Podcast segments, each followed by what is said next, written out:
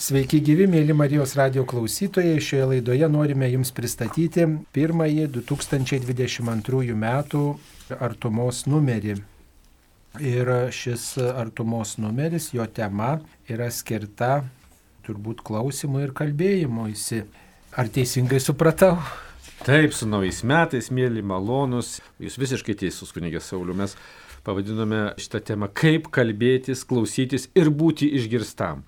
Ir aišku, yra įtarimas, kad čia kažkas susiję vėlgi su sinodu. Taip, tai šioje laidoje apie artumo žurnalą kalbės vyriausias redaktorius Diekonas Darius Kmiliauskas ir taip pat šio numerio bendradarbė socialinių mokslų daktarė Teresė Liobikienė. Taip, sveiki gyvi. Taigi kalbėjom, kad žurnalas apie kalbėjimas ir klausimasi. Tai turbūt tokia tema pasirinkta todėl, kad sinodas apie tai, ar koks kitas buvo. Taip, mielas kunigė Sauliu, iš tiesų mes šiais metais tikrai neturim bėgti kažkur toli ieškoti tų temų, nes motina bažnyčia mums labai aiškiai sako, va, kas dabar yra mūsų dienotvarkiai, mūsų darbastalyje, tai yra sinodas, tas pakvietimas mums keliauti drauge įsiklausant į vienas kitą ir išgirstant. Bet kad tai nėra savaime suprantama, tai turbūt daug kam nereikia pasakoti, kad vis tiek tai netaip lengva ir paprasta. Ir ne šiaip sau su mumis, mila Nijolė Teresė, aš dėl to, kad yra didžiulė, na, galim sakyti, profesionalė išklausimo ir susiklausimo. Jinai ne tik konsultuoja asmeniškai, bet ir grupės rengia, tokias, kurios sugeba klausyti ir palidėti. Netgi esu girdėjęs, girdu, kad net ir vadovėlius tam tikrus yra parašius apie būtent šitai. Tai mes turime išskirtinę progą šiandien kalbėti su kvalifikuotu žmogumi šitoje srityje. Taip, taigi tas jūsų straipsnis šiame artumo žurnale toksai gana labai struktūriškai parašytas, yra ir patarimai, kaip kalbėtis, kad būtume suprasti ir taip pat kokias klaidas vengti. Tai kuo čia rėmėte šitą straipsnį rašydama? Man atrodo, kad čia jau yra, žinote, klasika. Čia yra klasika, tai vienas dalykas, nes e, jeigu dirbame ar, ar tai su asmeniu, ar tai su grupėmis, tai jau šitą klasiką mes turime labai gerai žinoti ir labai gerai ją vadovautis. Bet šalia to tai yra dar ir praktika, kada e, tiesiog tą visą klasiką naudodamiesi mes pajuntame tam tikrus labai svarbius dalykus, kuriuos aš irgi pabandžiau šitam straipsnėje akcentuoti, todėl kad dažnai būna sunku, nes tie, kurie kalba, tai dažniausiai kalba savo, nes jie labai nori kalbėti. O tie, kurie klauso, tai labai dažnai nenori klausyti, nes irgi nori kalbėti. Tai kol tą visą procesą išmokstame, ypatingai jeigu galvojame apie sinodą, kur reikalingas toksai išklausimas ir įsiklausimas, tai žinoma, tie dalykai yra labai svarbus. Ir dar vienas dalykas, kad Jeigu mes kalbame su vienu asmeniu, gal su dviem daugiausiai, tai gal tą procesą galima kažkaip ir lengviau valdyti, bet jeigu tai yra grupinis procesas, tada iš tiesų reikia žinoti, kad ne iš karto, nestaiga, tam reikia laiko, kad žmonės pasijustų ir saugus, ir kad jie galėtų išdrysti kalbėti, nes jeigu kalbam apie sunodą, tai ten yra turbūt ne, ne šiaip savo pasikalbėjimas apie tai, ką valgau ir ką geriu ir kokios dabar mados arba kokia bloga vyriausybė. Bet tiesiog tai yra kalba apie mus bažnyčioje ir tada mes turime ne tik tai bandyti kalbėti, bet taip pat ir suprasti ir išgirsti kitą žmogų. Nes kai esame nekurti fizinė prasme, tai lyg ir atrodo tai, ką čia turėtų išgirsti, bet dažniausiai mes esame nepasiruošę girdėti iš tiesų, kas už tų žodžių stovi, nes kartai žmogus kalba ir jisai sako tam tikrus žodžius, kurie jam atrodo, nu viskas aišku. Bet jeigu tu girdi tik tai tuos žodžius, bet nepamatai to žmogaus veido, išraiškos akių, kūno kalbos, nes labai dažnai žmonės norėdami save apsaugoti arba nedrįsdami kalbėti, jie kartais siunčia tokias dvigubas žinutes. Ir tada tom dvigubom žinutėm yra, jeigu sako, jo, a, a, aš, aš labai gerai, aš labai gerai jaučiuosi, aš labai gerai jaučiuosi. Tai ką tas reiškia? Kad pats tonas išduoda, kad meluoja. Absoliutiškai. Ir ne dėl to, kad tas žmogus nori meluoti, jis tiesiog galvoja, kad jeigu jis pasakys, kaip jis iš tiesų jaučiasi, tai čia kažkas bus, čia nepriimta, čia aš nepasitikiu, čia negaliu. Ir tada tie, kurie klauso, jie turi tiesiog sugebėti atpažinti tam tikrus ženklus ir tada tiesiog paklausti arba pasiūlyti pagalbos. Tai aš tai manau, kad čia yra, matote, žinojimas Taip, mes labai daug ką žinome. Ir žinojimas, kaip kalbėti, kaip sakiau, yra klasika. Ir teoriškai mes dažnai tą išmokstame, bet kai susiduri su praktika, tai tada pasirodo, kad čia taip sunku. Tai prasme, kad reikia truputėlį ir tos praktikos. Ir šalia to, kaip tu ten ar klausai, ar kalbi, tai dar reikalingas ir toksai apmąstymas. Pavyzdžiui, mes dabar kalbamės trise Ir kai pabaigsim, tai tiesiog aš pamastysiu, ar ne per daug kalbėjau, ir ar suprantamai, ir atsakiau klausimus tuos, kurių manęs klausė, ir kaip sakant, po visą vasarojų blaškiausi. Tai tas irgi padeda tobulėti, nes čia yra procesas. Man atrodo, kad yra tokios dvi didžiausios klaidos. Tai yra viena klaida tiem žmonėms, kurie labai yra mokslo paragavę, o dabar daug tokių žmonių, kurie baigia aukštuosius mokslus ir dirba kažkokioje srityje ir kai jie pradeda kalbėti įvairiems žmonėms, jie mano, kad ir visi tokį įsilavinimą turi, visi tokias savokas žino ir jie tiesiog kalba tokia gana sudėtinga kalba, nes kartais pasižiūrim ir žiniasklaidoje, pavyzdžiui, ir ten kažkur kitur, tai, žodžiu, kalbama kaip specialistams ir atrodo tam, kad suprastum, reikia tikrai labai daug skaityti, labai domėtis. O kita tokia klaida, tai ir jūsų toks patarimas yra kalbėkite kaip galima trumpiau, paprastai ir aiškiai. Tai ypač tiem žmonėms, kurie neįpratę daug kalbėti, kurie gal tokie dirbantys žmonės, tai jiems sunku pasakyti ir aiškiai išreikšti kažkokią mintį ir mes kartais tarptų dviejų polių ir blaškomės, ar sutinkate? Manau, kad taip. Dėl to, kad galima sakyti taip, na, mokslo daktaras, jisai turi įsimokslinimą, bet žinojimas auditorijos, kas yra tavo klausytojai, yra pagrindinis dalykas.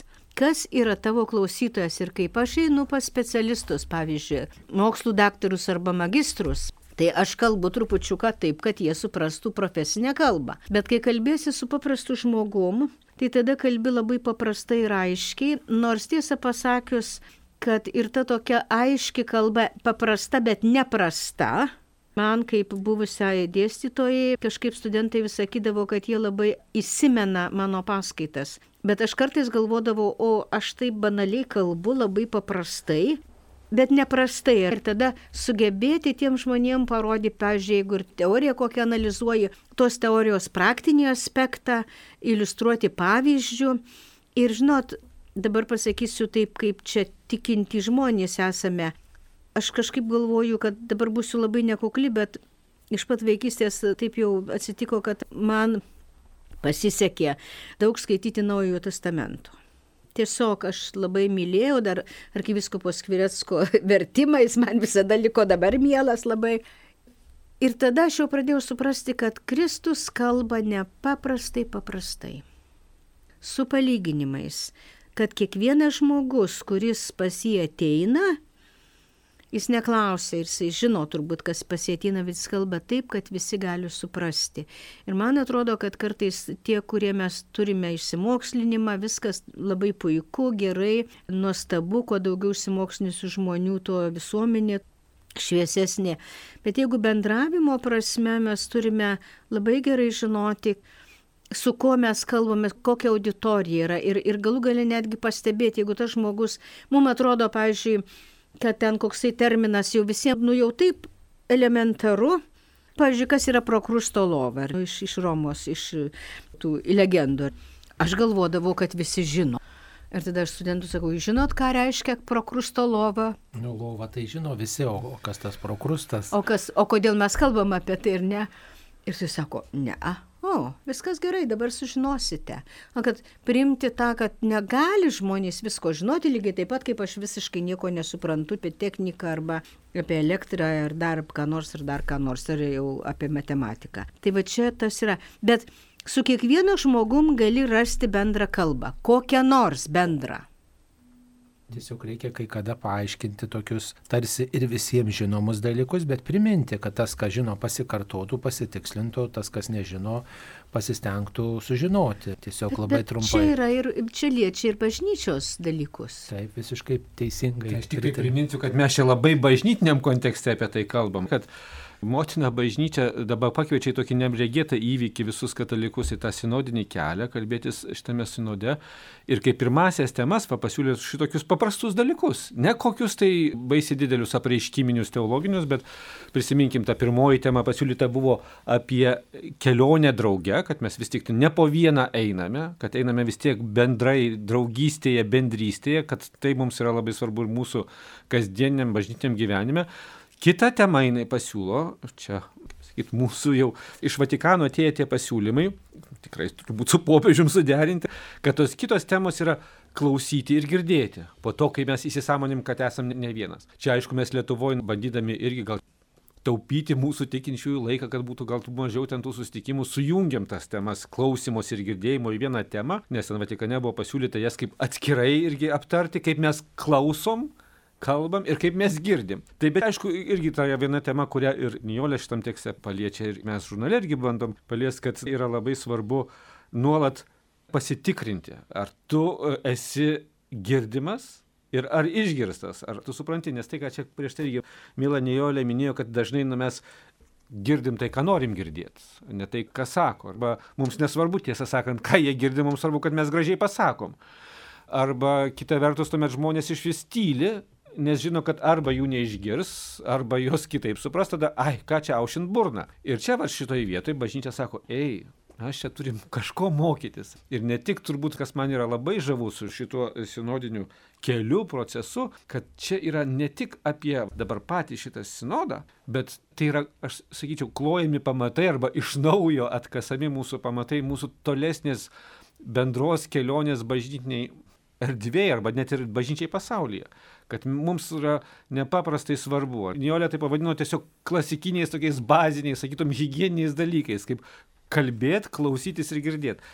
Ir pasirodo visai sveika mums to mokytis ir popiežius ir bažnyčia kviečia mus tą daryti ir labai konkrečiai eiti į tas grupelės. Ir tas pačios tekstas čia tikrai yra, galim sakyti, tokia metodinė medžiagėlė mūsų visoms sinodinėms grupelėms. Nepaisant to, kad buvo vis tiek visose viskupijose vienaip ar kitaip kažkokie tai moderatorių mokymai, kurie padeda tiems pokalbėms vykti, bet ir čia turbūt ir tiems moderatoriams labai sveika ir, ir bet kuriam žmogui labai sveika pažiūrėti tuos labai konkrečius aspektus. Ką daryti, kad mes kalbėtume ir susikalbėtumėm, girdėtumėm vienas kitą. Jo, bet aš čia dar turiu vieną tokį, žinote, dalyką, kuris yra būdingas po trauminiai visuomeniai arba po autoritarniai visuomeniai, kada žmonės kartais jiems labai sunku pasitikėti vieni kitais. Ir aš ko labai bijau, kad žmonės nepradėtų kalbėti taip, kaip reikia kalbėti. O tą mes mokam ir esame išmokę. Tai va čia yra toksai dalykas, kad ir dar vienas dalykas, kad iš kitos pusės, jeigu mes dalyvaujame tame kalbėjime, tai yra labai svarbu, kad tu turėtum savo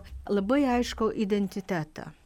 Jeigu aš esu šios bažnyčios narys, tai aš žinau, kas tai yra. Ir čia nežinau, man sunku apie tai spręsti, nes bet suprantu sinodo tą procesą kaip kiekvieno asmens dvasinio tobulėjimo procesą.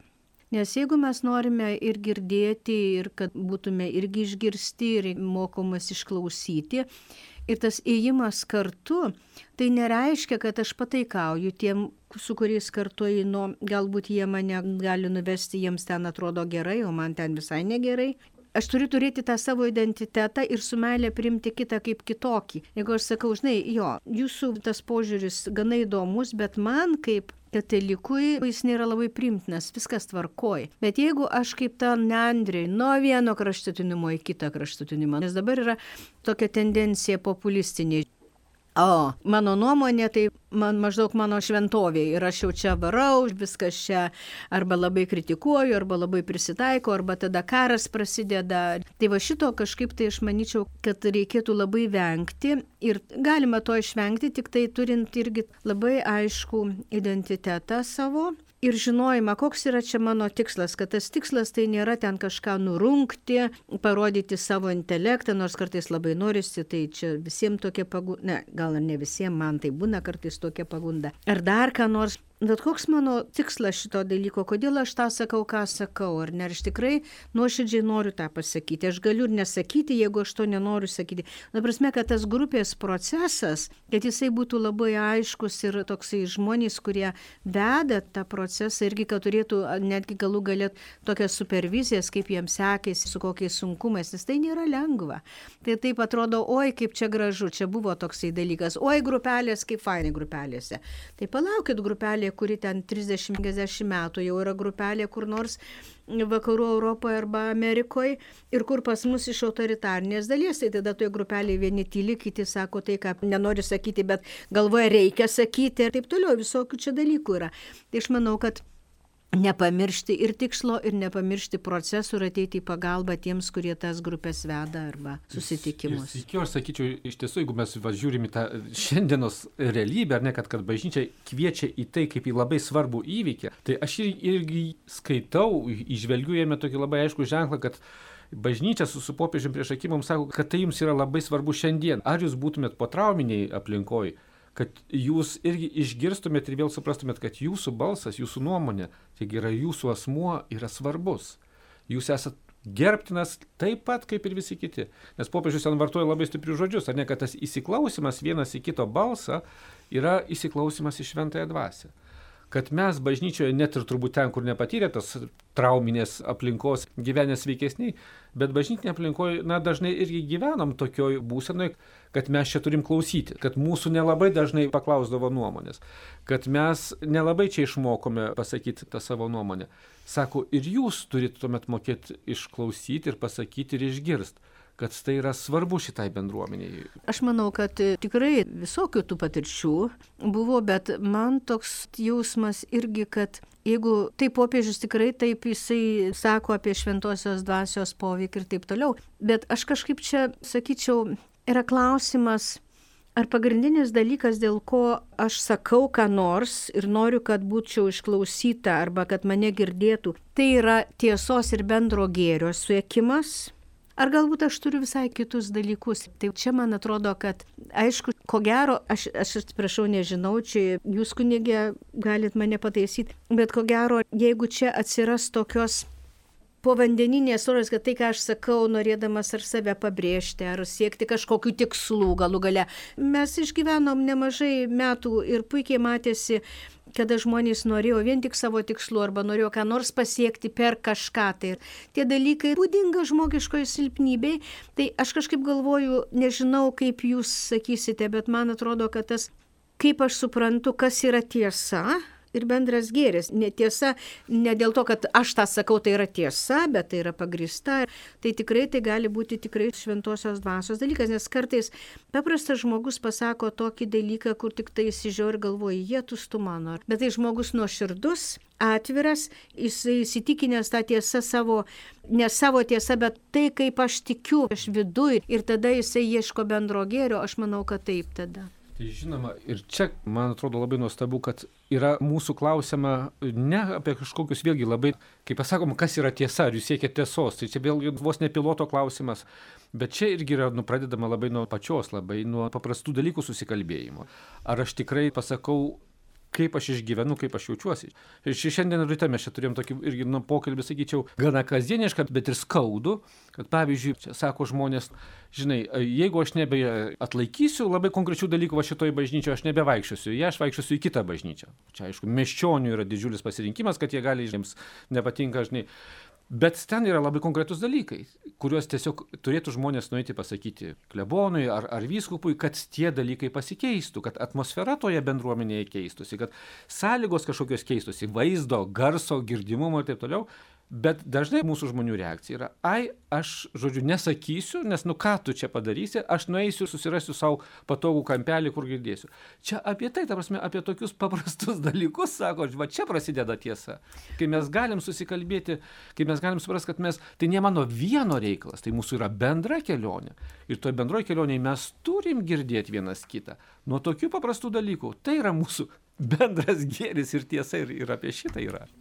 Taip, bet aš vis tiek trupučiuką užjaučiu ir tuos kunigus klebonus, pas kuriuos tikriausiai neusidaro kartais durų ir labai aktyvių ir ko gero moteriškos lyties parapijonių, kurie žino, kaip turėtų būti.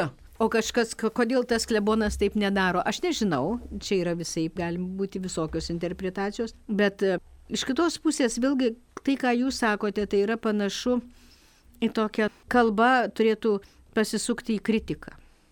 Aš kritikuoju, Mes labai bijom šito, nes mes e, žinom, kad kažką sakyti ir kritikuoti yra labai blogai. Bet tada mes turim visai naują temą apie kritiką. Tai aš manau, kad ko gero kitam kartui paliksime. Nežinau, man atrodo.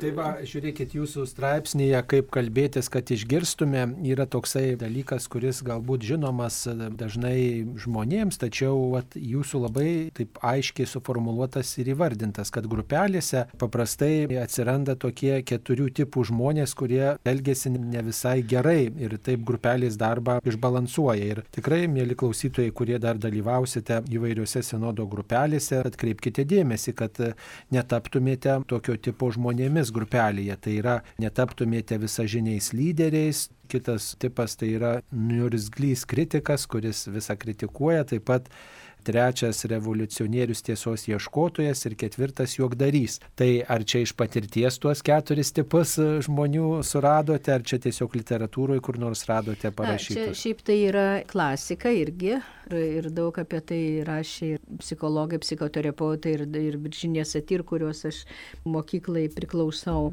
Bet tie tokie pavadinimai, tai jau yra iš patirties dirbant su grupėmis, tai jie labai dažnai pasireiškia ir beje labai dažnai pasireiškia būtent tų tikinčių grupiai. Nes, pavyzdžiui, tas visažinantis lyderis tai labai save tikriausiai taip ir yra. Aš labai gerbiu tos žmonės, kurie, bet nu, toks, žinot, labai labai kietas ortodoksiškas katalikas. Aš jokių būdų nesakau, kad ortodoksija yra blogai, bet va, tai labai ir, ir kartais yra tiesiog labai sunku tvarkyti su tuo, kodėl, kad tie kartais netgi stabdo tą grupės veiklą, nes ką be pasakytų, jisai žino geriau. Ojei, ir geriau, ir, tada... ir, ir, ir dar pacituoja, ir, ir pasako, kur ir ką reikia paskaityti, ir, ir kaip čia jūs, ne tai, kad žino geriau, bet kaip jūs galite nežinoti. Tai dabar įsivaizduokite, kad žmogus, kuris atėjo, jis tikrai ne visada žino.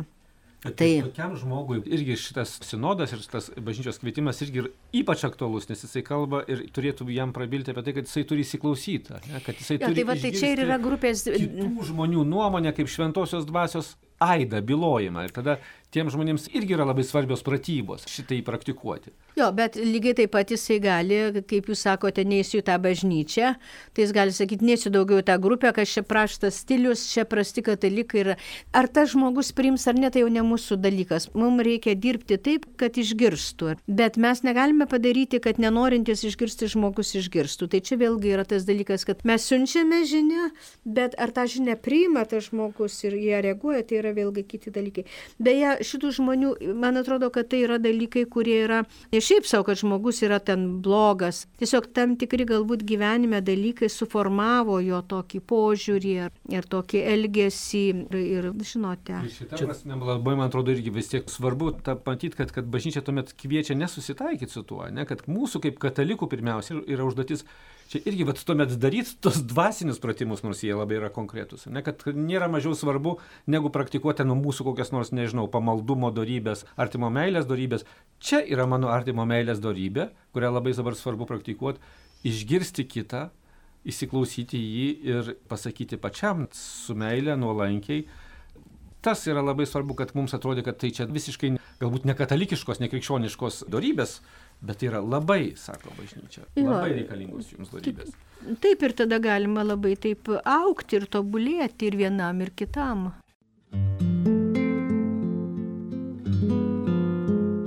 Jūs girdite Marijos radiją.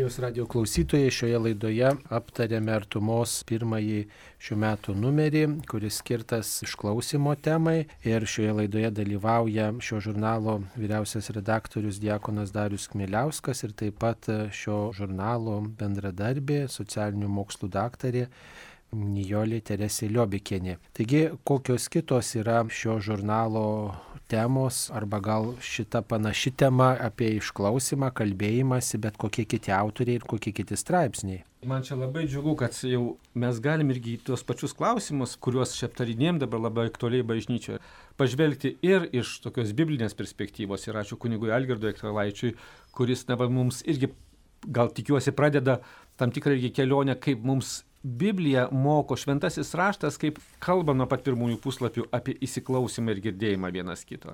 Kaip tai mums svarbu irgi primena kunigas Algirdas, kad mes čia galbūt išgyvenome visai nesenai prieš porą metų tokią Emauso kelionę, kad pas mus atėjo pats viešpats, na sakykime, per popiežių pranciškų, mums kažką labai svarbaus papasakojo, pasakė ir kažin ar mes išgirdom, kaip kažkas tai pasakė, suvirškinom tas jo kalbas ir, žodžiu, kas iš to liko. Ir kuningas Algiras sako, žiūrėkim, kad mums neatsitiktų ir dabar taip, kad mes išgirstumėm šitas svarbias žinias. Ir ko Biblija mus apie tai moko. Labai įdomių dalykų jis ten ištraukė nuo pat pirmųjų puslapių apie pirmuosius pokalbius Biblijoje kurie pasirodo yra ne dieviški pokalbiai, ne žmogaus su Dievu, bet moters su gyvate. Kitas man labai irgi didžiulis atradimas ir labai dėkoju va, seseriai Viktorijai Plečkaitytei Marijos vargdienių pagalbos seserų kongregacijos vyresniai, kuri mums primena palaimintą Jurgį Matulaitį. Sausis mums irgi yra labai svarbus, nes sausį švenčiame jo liturginę šventę, jo gimimą dangui ir šiemet yra 95-osios metinės, kada švesime sausio 27-ąją Matulaičio gimimą. Ir pasirodo, tas Matulaitis ir šitoj vietoje mums yra be galo aktualus ir įdomus. Jis kalbėjo apie tos pačius dalykus, apie susikalbėjimo ir įsiklausimo, kurie mums irgi gali tapti tokiu vadovėliniu dabar tekstuku. Pavyzdžiui, aš pacituot, nu, negaliu susilaikyti jo prieš 109 metus rašytą vieną tekstą. Cituoju, žiūrint, kaip mūsų gadynėje žmonės pjaunasi, tai yra mūsų laikais, kaip riejasi, barasi, kaip pilni neapykantos, pagėža giepia prieš kiti kitus, niku ir graudu darosi kaip mes nutolę nuo Kristaus dvasios, nuo pirmųjų krikščionių pavyzdžio, kurios viena dvasia gaivino, karšta meilė vienijo ir ryšo, kad net stabmeldžiai stebėjosi. Citatos palaimintojo Jurgio Matulaičio pabaiga. Ir tuomet jisai kalba, dalinasi, sesuo Viktorija parinkus iš įvairių jo konferencijų ar pasisakymų, tas vietas, kaip mes turim irgi mokytis, girdėti ir klausytis vieni kitus. Man pasirodė tas tikrai labai vertingas tekstas išgirsti ir dar kartą paliūdė, koks tėvas Jurgis yra iš tiesų pranašas, pranašiškas jo žodis buvo. Tai, ką jis kalbėjo 20-ojo amžiaus pradžioje, daugybę dalykų tikrai, galim sakyti, pradėjo įsikūnymą per Vatikano antrąjį susirinkimą ir kaip mes matom dabar su šituo popiežium ir su šituo sinodu, ne kas kitas, o antrasis Vatikano susirinkimas šį yra įgyvendinamas. Kitas toks labai praktiškas, sakyčiau, žvilgsnis į tą pačią susiklausimo, įsiklausimo yra karito patirtis. Yra karito projektas, kuris vyksta irgi įvairiose Lietuvos kampeliuose, tai yra vadinamoji išklausimo tarnystė. Galbūt mes čia irgi pastaraisiais laikais žinom, tokia girdim kokios nors sidabrinės linijos gražų projektą, kur žmonės gali vieniši ar senyvi paskambinti ir, ir būti išklausyti, išgirsti. O karitas pasirodo jau irgi daug metų turi išklausimo tarnystę, kur dar metodiškiau yra žmonės kviečiami apsilankyti, kol tai įmanoma, ir juos išklausyti irgi kokybiškai, o paskui gal net ir jiems padėti kokybiškai, kaip, kaip jie gali įveikti savo sunkumus ar kažkokias problemas. Tai dar yra nuostabus karito irgi tų patirčių tekstai. Kiti man irgi be galo brangus du tekstai, tai yra vėlgi tam pačiame sausio tokiam ekumeniniam fone kai mes švesim tą maldų už krikščionių vienybę savaitę, mes pagalvojom, mes turim irgi nueiti pažiūrėti, kokią patirtį turi mūsų broliai krikščionys apie sinodą. Čia mums atrodo toks naujovė. Girdėjom tos viskupų sinodus, kurie irgi nuo to paties Vatikano antro susirinkimo, bet pasirodo, kad broliai ortodoksai arba tie patys protestantai, ypač reformatai, gyvena šimtmečiais šitą tokią sinodinę kultūrą, sinodiniu būdu keliauja ir į tuos susirinkimus sinodinius renkasi nuolat. Ir renkasi irgi, galim sakyti, taip moderniškai šitą prasme, kaip, kaip, kaip čia dabar mūsų popiežius kviečia, kad, kad juos renkasi ne tik kunigai ir viskupai, bet visa bendruomenė arba bendruomenės atstovai. Ir turim e, kunigo Gintaro Jurgio Sungailos, ortodoksų kunigo pasidalymą, tai ir istorinį, ir, ir parodo, kaip tenai vyksta evangelikų reformatų vyresnio arba superintendento kunigo Raimundo Stankievičiaus irgi pasakojimą,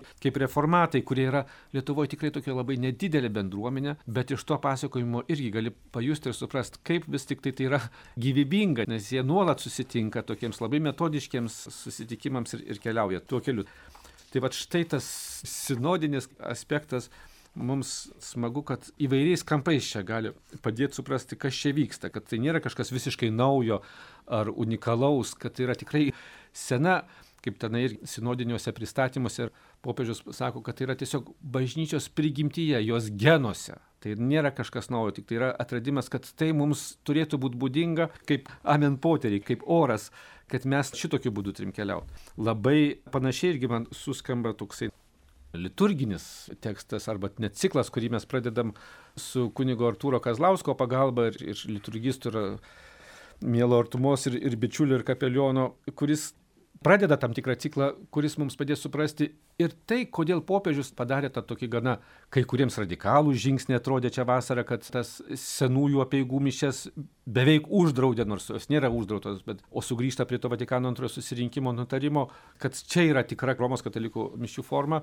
ir kaip tai irgi yra susijęs su to sinodiškumo, kad tai yra mūsų visų dalyvavimas ir įsiklausimas vienas į kito, kas buvo šiek tiek galbūt labiau vėlgi klausimas ar dalyvavimas kunigo monologe anamerite. Ir štai kaip mums svarbu tą suprasti nuo pat pradžių. Ir čia jisai pradeda nuo, nuo pat įžangos mišių, kodėl tas mūsų naujasis mišiolas būtent šituos dalykus siūlo ir daro.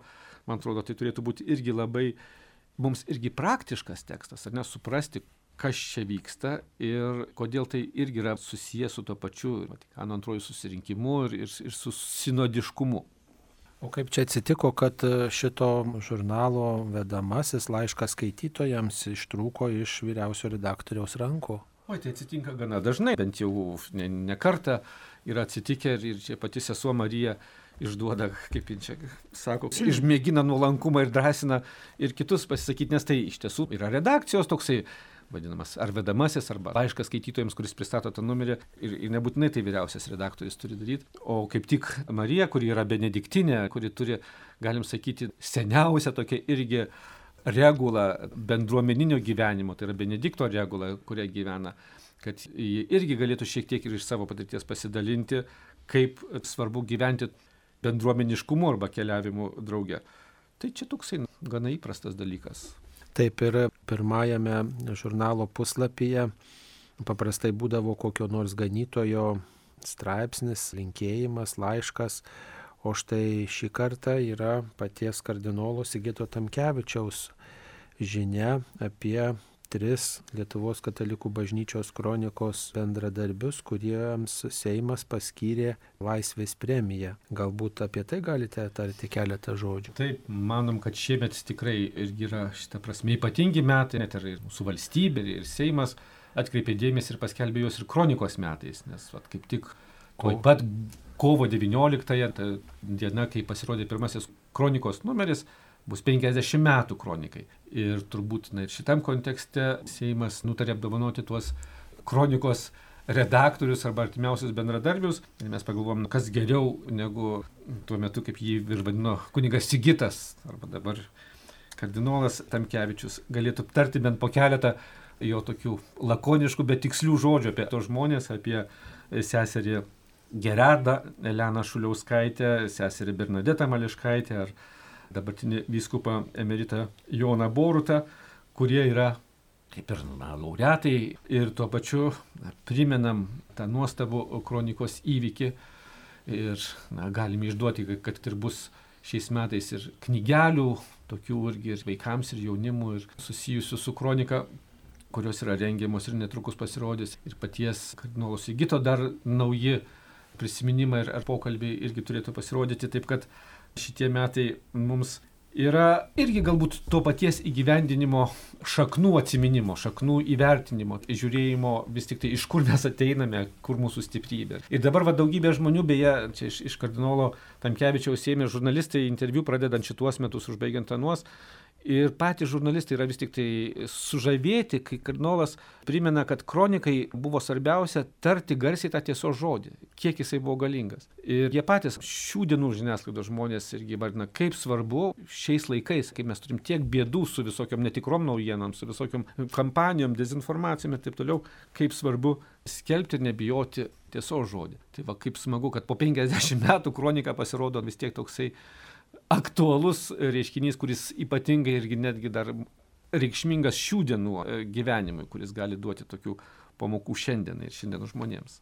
O mėla Nijolė, kurį straipsnį jūs skaitėte pirmiausia iš šito viso žurnalo, kurį norėtumėte rekomenduoti Marijos radio klausytojams paskaityti, galbūt pasėsit kokią intrigėlę? Dabar turiu pasakyti ir būti sąžininga, kad tik tai šiandien gavau tą žurnalą Tai dar nespėjau, bet jau peržiūrėjau ir iš tiesų labai myliu du žmonės, amžinatilis šventus. Tai yra straipsnis apie arkiviskupą Jurgį, būtinai aš jį paskaitysiu. Ir taip pat aš matau, kad yra labai gražus straipsnis apie Jono Pauliaus antrojo. Tai pirmiausiai, o paskui visą kitą.